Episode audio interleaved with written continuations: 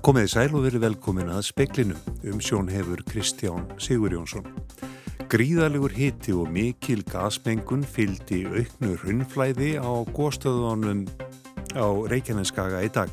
Vettvangsstjóri laurgnar á Suðunissum segir að margir átti sig ekki á hættunni. Þyrla landhelgiskeslunar þurfti að sækja tvo út á hraunin. Eldfjallafræðingur segir að hraunbelgir munu ítrekka verða til í hrauninu í geldingadölum og springa með svipuðum afleiðingum og í dag þegar eldár tóku að renna ört úr gósinu. Sóttvarnalæknir segir að verið sé að taka ákveðna áhættu með því að leifa 1500 manns að koma saman eftir hafa tekið koronaveri hraðpróf. Embæti landlæknis hefur fengið margar umsóknir um markaðsleifi fyrir slík próf. Eitt ár gæti liðið þar til framleiðsla hefist að nýju í gas- og jargerðarstöð Sorpu í Álsnesi. Mikla hefur fundist í húsnæðinu. Lís Tröss, ráðherra utanríkis viðskiptamála, er nýr utanríkis ráðherra Breitlands. Boris Jónsson, forsættisráðherra, hó í dag hrókeringar í ríkistjórnini og við fjöllum um málefni eldri borgara í speklinu. Sigurður Bergmann, vettvangstjóri lauruglunar á Suðunisjum, segir gríðarlegan hita og mikla gasmengun hafa fyllt auknu hraunflæði á góðstöðunum í dag. Margir virðast ekki hafa gert sig grein fyrir hættunni og þurfti þyrla landhelgiskeslunar meðal annars að sækja tvo aðila út á hraunnið. Sigurður segir að vísendamenn sem voru að störfa við góðstöðuna fyrir háti í dag hafi orði varið við skindilega aukningu í hraunflæði frá eldstöðinni Því hafi verið tekið ákurinn um lokun og rýmingu á óvissusvæðum. Hér var allt rauðglóandi, hraun elfur sem tegði sér hérna niður í náttagan. Þannig að við tókum þá ákurinn í morgun að, að í samráðu við aðgerastjórn að, að, að loka svæðinu. Þó minna virðist af hraunflæðinu sem stendur segir Sigurður engu að síður stórhættulegt að fara út á hraunið. Fun hiti sé í hrauninu þó það sé farið að storkna. Hann vil brína fyrir fólki sem fyrr að vera ekki að vaða út á hraunið. Landekirkjallan kom inn í verkefni fyrir veðastofun í morgun og almannavarnir og þeir enduði í verkefni með að taka tvo göngumenn sem voru komnir hérna inn á engismannsland og reyndar þar langt út á hraun. Það er náttúrulega bara argasta vittlisa sko sagði Sigurður Bergmann, Jón Agnar Ólason tók saman. Gerum að ráð fyrir að atburðar ás eins og varði í gósunu í geldingadölum í morgun þegar raun tók óvænt að renna miklum krafti í náttaga, marg endur tæki sig. Þetta segir Ármann Höskuldsson, eldfjallafræðingur. Meðan Hallin liggi í náttaga muni raunnið renna þangað. Eldgósið í Gjeldingadölum var einungis í yfirborðslega í tæpa viku að sögn Ármanns Höskuldssonar eldfjallafræðings. Skýringin á því hvað eigi sér stað sé einföld. Kvikan hafi runnið undir skélina í Gjeldingadölum og byggju upp þrýsting. Á laugardag hafi það sínt sig þegar yfirborðsvirknin hófst á ný hafi raun hverir verið nýst í Gjeldingadölum. Og núna það sem gerist í morgun er, er að kviku belgurinn sem að tegja sig þarna til söðurs hans sprakk hraunið eh, sem heldur niður í opnaðist og þá kemur, kemst hraunið mjög hratt út eins og við sáum í morgun og streymt allar leið ofan í nátthaga. Ármann segir mikla kviku belgi komna í Geldingadali þar sem reynsli og framleiðsla gossins hafi verið lítil alveg frá því það hófst fyrir tæpu halvu ári eða um 5-10 rúmmetrar á sekundu. Þá komist raunnið að jafnaði mjög stutt. En með því að búa til svona raunbelgi inn í rauninu að þá kemst raunnið hraðar yfir og lengra. Sko. Og má búast við að þessi saga endur taki sig að það myndist eins og bóla sem að springi hvað eftir annað? Alveg klárlega. Svona góðs bara þau ganga þannig. Þannig fær, fær uh, raunin tækifæri til þess að tegja sér lengra frá eldstöðinni eða gígunum hefður en það gæti annars. Segir Ármann Höskuldsson, Ólöf Rún Skúladóttir talaði við hann. Þórólfur Guðnason, sóttvartanlæknir, segir að búast megi við að hraðpróf greini ekki öll koronaviru smitt. Verið sé að taka ákveðna áhættu með því að leifa alltaf 1500 manns að koma saman ef þeir hafa tekið hraðpróf. Embætti landlæknis hefur hafnað leifisbeðnum fyrir fjölmarkar tegundi hraðprófa vegna þess að prófin eru ekki nógu nákvæm. Ég hef sagt það að hraðprófin eru ekki eins nákvæm og áræðanlega eins og PCR-prófin. E, þau náttúrulega geta hins vegar verið e, góð og maður þarf bara að skilja hvaða, hvaða vankantar er á þeim en það er einn ein leinin til þess að nýta sér það að, að slaka meira á en við þurfum bara að vera við því búin að, að hraðprófi ná ekki öllum. Þórólfur segir ekki útiloka að stórar hópsíkingar komi upp á fjölmennu viðburðum þegar hraðprófin eru ekki áræðanlegar en raunber vitni. Þetta getur það gæst, það, það er svo áhætta sem við erum að taka og, og við höfum ekki séð það gerast fram að þessu eh, á, á, á svona viðburðum en við þurfum bara að við erum að alltaf að taka einhver ákveðna sensa, það er það sem þetta gengur út á. Helbriðsánetti gefur út markasleifi fyrir hraðprófum sem standast skoðun ennbættist landlagnis. Þórólu segir að allmargar umsóknir hafi borist um slík leifi. Og þá förum við bara yfir þau gagn sem að liggja baki áræðanleika og, og öryggi prófana og líka neyta mjög mörgum prófum um, um markasleifi á þeim grunni að rannsakana sé ekki nógu öryggar og nákvæmari. Þetta var Þórólur Guðnason, Anna Lilja Þóristóttir talaði við hann. Jarðgerði í gas- og jarðgerðarstöð Sorpu í Álsnesi gæti leiði niður í alltaf eitt ár á meðan gert er við miklu skemmtir í húsnæðinu. Forsvarsmenn Sorpu teljaði mistökin liggi í hönnun byggingarinnar. Líkt og framkom í hátegisfrettum aukvölduðu starfsmenn gæju miklu í þakki og burðarvirki stöðvarinnar síð sömars. Jónvik og Gunnarsson, framkvöndastjóri Sorpu, segir að alltaf ár geti liðið þar til jargerð hefst þar á ný. Uh, hugsalega þurfum við að bæta í loftrastingu og við þurfum hugsalega að flytja siktununa út í annað húsnæði. Þá erum við að tala um allavega um 6-12 mánuði sem þetta getur tafð okkur. Jón Víkó og Líf Magnuðdóttir, stjórnaformaður Sorpu, segja skruna að mistök hafi verið gerð við hönnun byggingarinnar. Það sem er nýtt við þessa og öðruvísi en aðrar jækjarastöðar er að við erum með siktuna moltu innandira og það er hluti af samkominlæginu sem var gert á milli eigenda um að hætta urða að við myndum byggja gasa og jækjarastöð og vera með siktununa inni til að spórna við líktarmengun sem er eitt af því sem hérna, mósvellingar hafa kvarta svolítið undan. Þannig að mögulega líkuður er að svo ákvörðin að sikta inni valdi þessum skemmtum? Mögulega, en þá hefðum við náttúrulega að taka tilítið þess þegar úsið var hannað. Þetta umhjómsana efni af hverju glæni stöð er strax byrjuð að mikla eðlilega. Það var ekki búið undir stjórnalvið tiltekinn smáatriði í hönnunaferlinu en ég veldi því líka fyrir mér hvað brást í fórsöndum hönnunaferilsins. Sagði Líf Magnuðdóttir. Áður heyriðist í Jóni Vikk og Gunnarsinni, Magnús Geir Eyjálsson rætti við þau.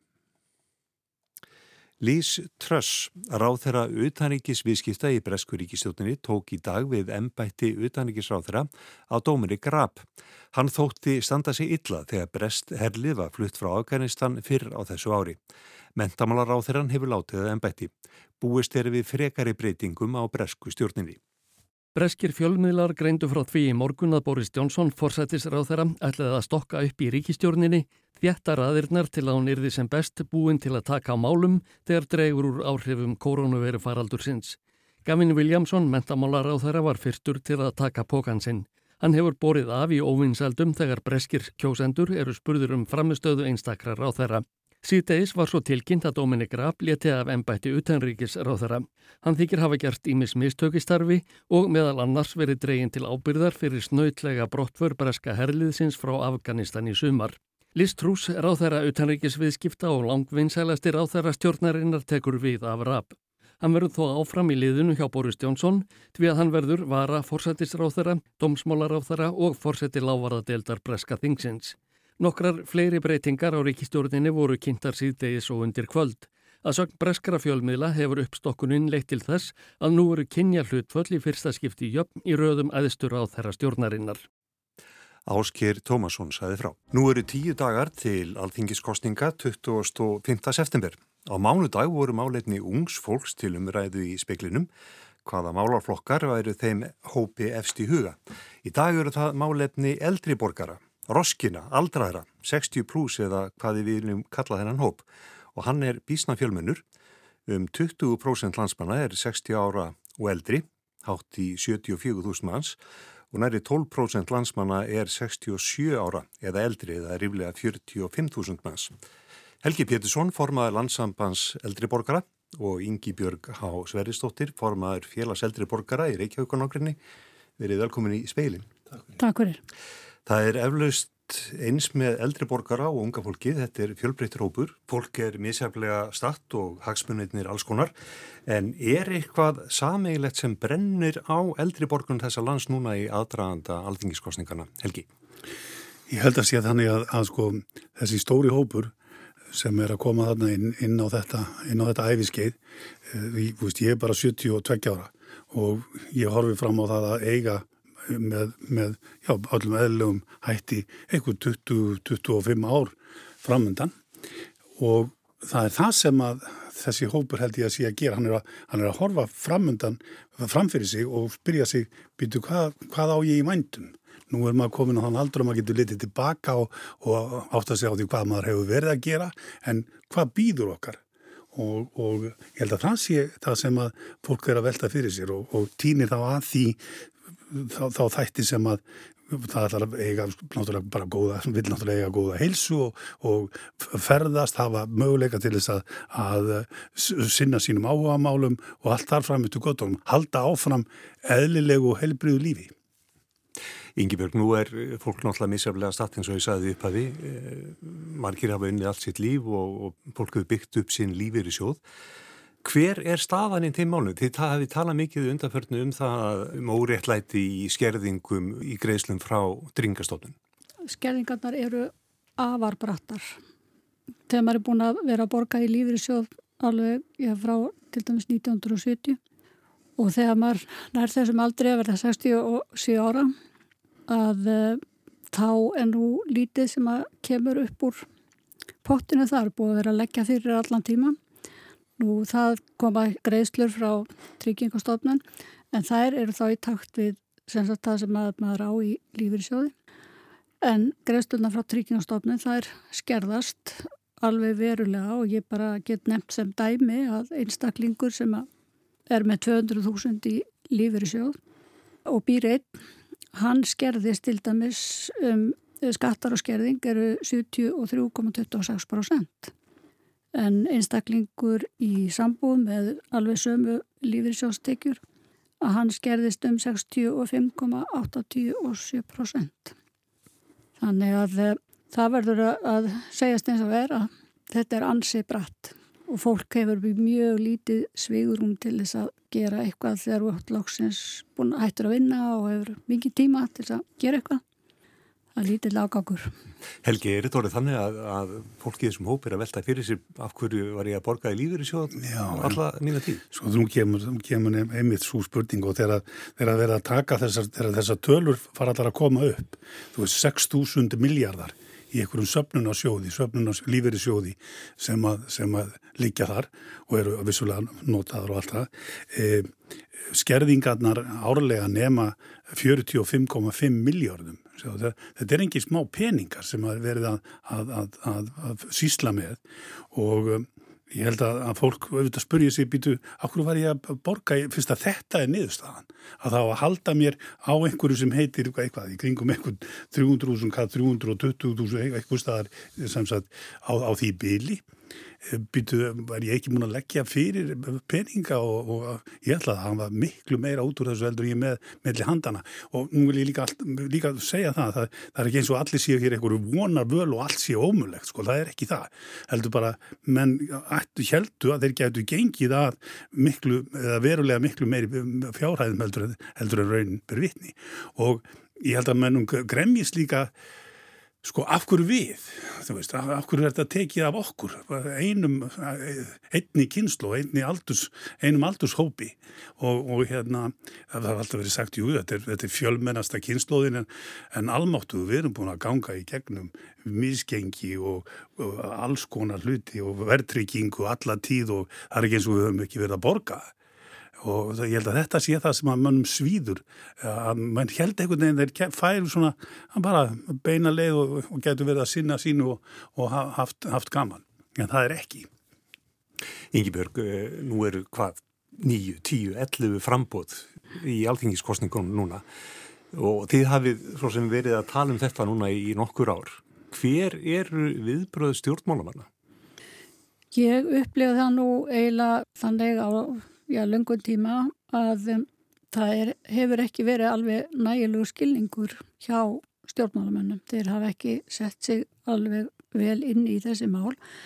En við erum búin að vera alveg hreint síðan bara í núna eftir áramót að fara við af við saminuðust all eh, fjölu eldriborgara ringin kringu landið um eh, fimm áherslu atriði sem við hefum verið að leggja fram fyrir kostningarna og við hefum kallað til okkar eh, fulltrúa frá stjórnmálaflokkum og farið yfir þetta plagg og, og við fengið mjög góðar undirtæktir og menn vilja endilega gera eitthvað fyrir okkur og, og vera með okkur og, og vinna með okkur. Þannig að við auðvitað bara vonum það að menn standi við þau orð. Helgi, þú von góður um það? Spórin ræðanum sko, við, það er búið að lofa okkur kostningar, kostningar eftir kostningar þess leðrætting á þess og leðrætting á hinnu, sko stjórnmánakrakarnir ég held að þau hafi bara ekki almeinlega átta sig á þessu, búið ég, ég, það getur verið að þessi að síast inn núna af því að foreldrar þeirra, bara svona þeir nánustu, eru að detta inn í inn, í, inn, á, inn á þessu stöðu og, og, og það, það verið að ræða þetta í, bara í amælónum og, og það saman að, þetta gangi ekki. Þannig ég held að, að dropin hólar vissulega steinin og við erum búin að fara um allt og kynna þessi áherslu aðrið og fólk horfir í augun á okkur og segir þessu, þessu þetta verður lagað, hafið ekki áhyggjur af því. Það er alveg á hreinu en, en ég, hérna, ég veit það ekki ég, ég á eftir að, að sjá það gerast Ég tók eftir að þú notaður orðið stjórnmála krakki. Eh, vandar fulltrúa eh, frá ykkar hópi í hóp alþingismanna? Það er nú nokkri hrannar náttúrulega en, en, en ég tek nú svona til orða þetta er, uh, sko, og þetta, þetta, þetta kannski tegir sig ansi, ansi ofalega og hátt upp í aldurinn. Það eru ótrúlega margir sem að ekkert eru búin að velta fyrir sér hvernig þeir standa á þessum tímamótum þegar að kemur að því að þeir hætta að vinna og bara menn hafa ekkert verið að velta fyrir sér sko lífeyrismálum uh, bara það sem maður þekkir til eða maður þekkir til Sko, Danmarku til dæmis það sem fólk, ungt fólk er ráðs í vinnu, það fyrsta sem það spyrum, það er lífeyrismálinn og allar bara, hér er menn ræða það ekki neitt hér. Og, og, og, verða svo alveg gapandi hissa þegar þeir standa fram með fyrir þessu því að svo er, svo er máli líka þannig að tryggingastofnun reknar ekki út uh, niðurstöðuna eða hvað, hvað þú hefur melli handana fyrir að þú átt að bara fara að taka þetta. Þetta rekna per haus Þannig að þú, þú sé ykkur að reknivélar og flott og fínt inn á, á heimasýður hjá þeim, þá er ekki að marka það fyrir en þú stígur skrefið og þá stendur uppi með hlutina. Sko. Yngibjörg, kannski öðru máli, það eru búsettumál aldrara, hjúgrunarheimili, stefnan að búa sem lengst í heimahúsi. Er þetta bara klift og skorið þetta tvent sem umverða að ræða? Eða hvað vilja eldriborgarar? Já, við höfum nú verið að tala einmitt fyrir því að okkur finnst vanta eins konar millistig. Það klárlega, það passar ekki öllum að vera heima alveg, alveg endalust og þetta hefur einhvern veginn þróast þannig að staðan er þannig og þegar að fólk svo lóksins kemst inn á hjókunaheimili, þörfin hefur verið kannski bara mjög lengi, þá er fólk orðið svo landsbyrða að þetta er eiginlega orðið svona lífsloka heimili, má segja. En þá er fólk líka svo rosalega vikt heima hjá sér og það er að fá fólk heim til þess að, að sinna sér. En það er orðið þannig að það kemst ekki út fyrir eh, sína íbúð eða, eða húsnæði og þá erum við fann að glíma líka við einmannaleika. Og eh, við sjáum fyrir okkur að það geti hjálpað í þessu hjúkunarheimilis eh, vandamálum að það verði nú byggð í framtíðinni og gert ráð fyrir því í skipulæginu að hafa til dæmis eh, til líðar við hjúkunarheimilin eh, þannig að þú getur leikt svona einhverja litlar íbúður það sem þú getur leikt og það sem einstaklingurum fær út úr því að það eru þetta að hann er komin í ákveðu öryggi og líka hann fær félagslífi eða samveru og öryggi við aðra sem hann ekki fær heima hjá sér búandi kannski ykkur í fjölbíli eða einbílisúsi einn. Þannig að við tölum doldi fyrir því og líka að fólk getur fengið að, að nota krafta sína. Maður er kannski ekki alveg búin með allt, maður getur kannski klætt sig eða eitthvað slikt sko. Kaupi sér þá þar þá þjónustu sem að þeir þurfa nákvæmlega eins og þeir væri heima hjá sér en fær í staðin öryggi og samveru við aðra. Mm. Sem er mjög mikilvægt vegna þess að við erum líka að glíma við einmjörleika hjá eldriborgurum. Mm.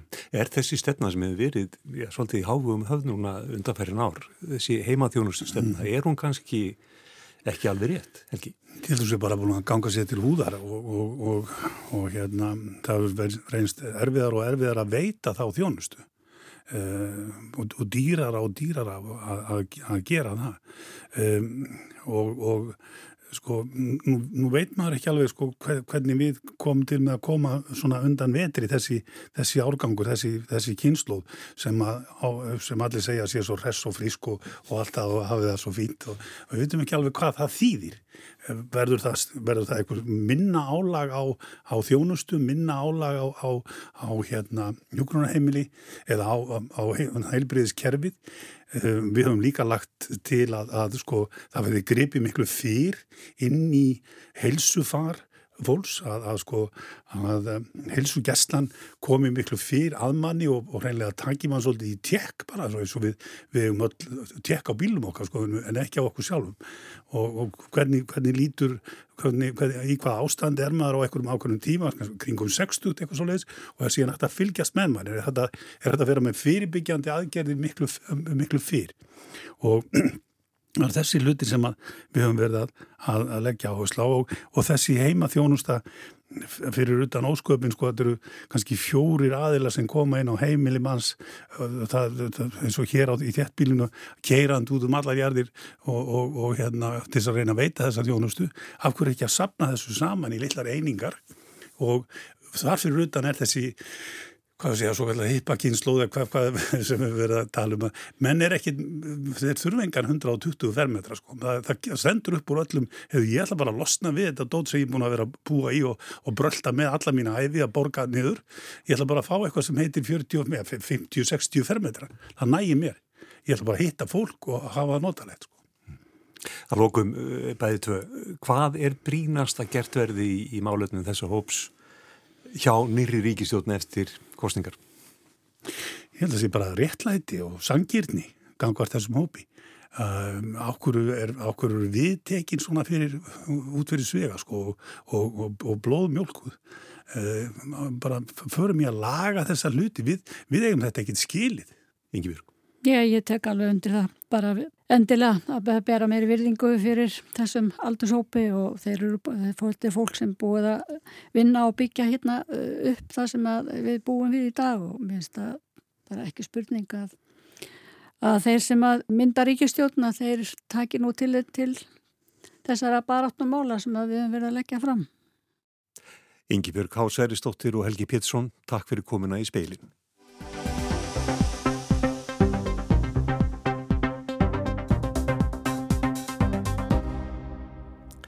Breskir fjölmilar þreytast ekki á að endutaka að Emma Raducanu sem siðraði og opna bandaríska tennismótunni nýlega var fyrir nokkru mánuðum venjuleg skólastúlka að taka stúdenspróf. Raducanu þykir sína smitandi leikliði sem er viðbót við uppbruna hennar og hæfileika frá fá breska fjölmila til að spá því að teki möguleikar hennar slái öll mitt. Allt þetta veitir insinn í peningamaskinu í Fagnaðalætin í tennisklubnum í Bromley útkvarfi höfuborgarnar hefðu undir venjulegum kringum stæðum ekki ratað í landsfrettinnar í Breitlandi. En það var ekki verið að fagna neinum venjulegum sigri.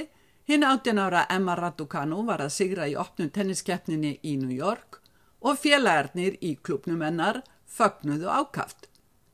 Sigurinn var um margt einstakur. Keppnin í New York var aðeins önnur stórkeppnin sem Raducanu tók þátt í.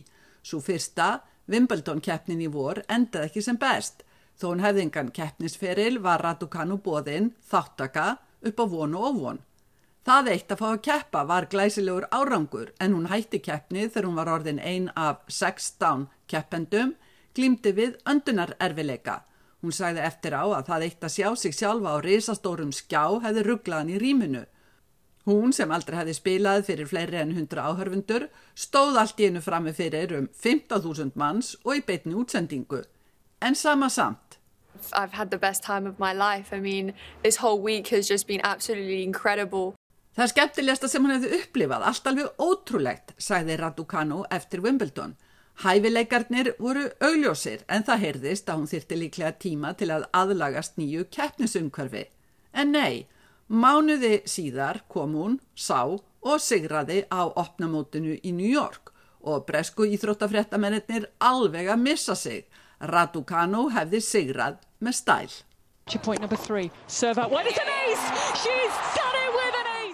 Hún er fyrsti kvenkins breski tennisleikarin til að sigra á opna bandariska mótinu síðan 1977 þegar Raducanu var að taka móti byggarnum í New York var móðurinnar að taka móti byggar fyrir hann dótturinnar sem besti tennisleikarin í sínu héræði, ferillin óneitalega farð og flög. Raducanu er engabar dóttir kínverskrar móður og ungversks föður. Foreldrarnir vinna í fjármálageiranum, kynntust í Kanada en fluttu til Bretlands þegar Emma var tveggjara. Raducanu segir foreldrarna hafa gert mikla kröfur en hún kann að meta það. Vill reyndar svo skemmtilega til að hinn bandaríska Leila Fernandez sem Raducanu sigraði í New York er líka innflytjandi á táningsaldri. Tvær síkildarsögur um innflytjandur sem spjara sig. Raducanu hefur um árabil verði úrvalshópi breska tennissambandsins og er þegar með stert heimi í kringum sig. Tennis er einn alþjóðlegasta íþróttin og tekjumöguleikarnir því miklir. Fyrir fyrirtæki sem leita eftir aðburða íþróttafólki að vinna með er fjölþjóðlegur bakgrunnur Raducanu áhugaverður. Hún talar ungversku og mandaríni viðbútt við ensku. Skýrskotunennar nær því langt út fyrir Breitland. Hún er líka góð fyrirmynd, er stjörnunemandi í viðbútt við tennisin. Pappin hefur stýrt tennisferlinum en séð til þess að hún hefði tíma í annað en bara tennis og Raducanu spilar tennis af hrífandi hjartanslist og gleði hennar helsti styrkur. Svistneski tennisleikarin Roger Federer er sjöndi tekjuhæsti íþróttamaður heims samkvæmt úttækt Forbes fjölmjölafyrirtækisins. Og tennis veitir konum mikla tekjumöguleika. Nýju tekjuhæstu íþróttakonur heims eru allar tennisleikarar Svo tekjuhæsta er Naomi Osaka, nummer 1 á heimslista Kvenkins tennisleikara, nummer 12 á tekjulista Karl og Kvenna.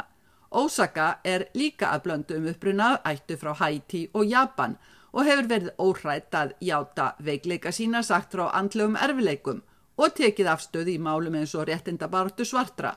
Hvort vekja hefði einu sinni fælt stórfyrirtæki frá en öldungis ekki lengur Ósaka er á samning hjá 15 fyrirtækjum, meðal annars tísku fyrirtækinu Louis Vuitton og úra fyrirtækinu Tag Heuer. Dollaramerkin fljúa í breskri umfjöllun um Raducanu og tekjumöguleika hennar og tölurnar farasnar hækkandi. Kanski nær hún árstekjum upp á 100 miljónir dala. Ósaka var með 60 miljónir dala í fyrra. Og kannski verður Raducanu tekjuhæsti íþróttamaður breyta.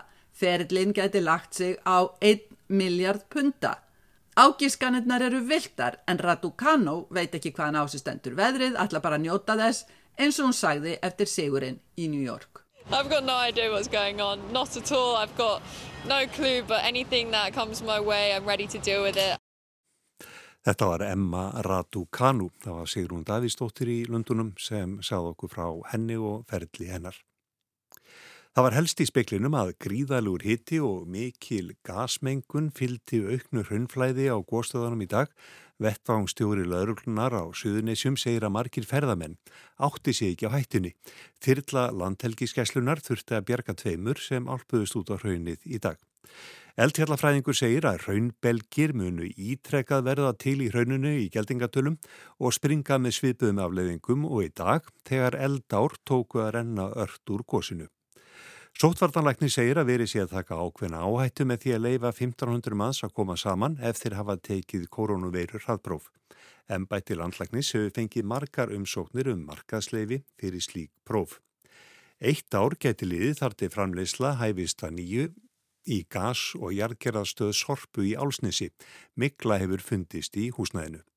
Og Lís Tröss, ráð þeirra utanengis viðskiptamála, er nýr utanengis ráð þeirra Breitlands. Boris Jónsson, fórsættisráð þeirra, hóf í dag hrókeringar í ríkistjóninni. Það er ekki fleira í speklinum í kvöld. Tæknimaður í útsendingu var Magnús Þorstedt Magnússon. Verið sæl.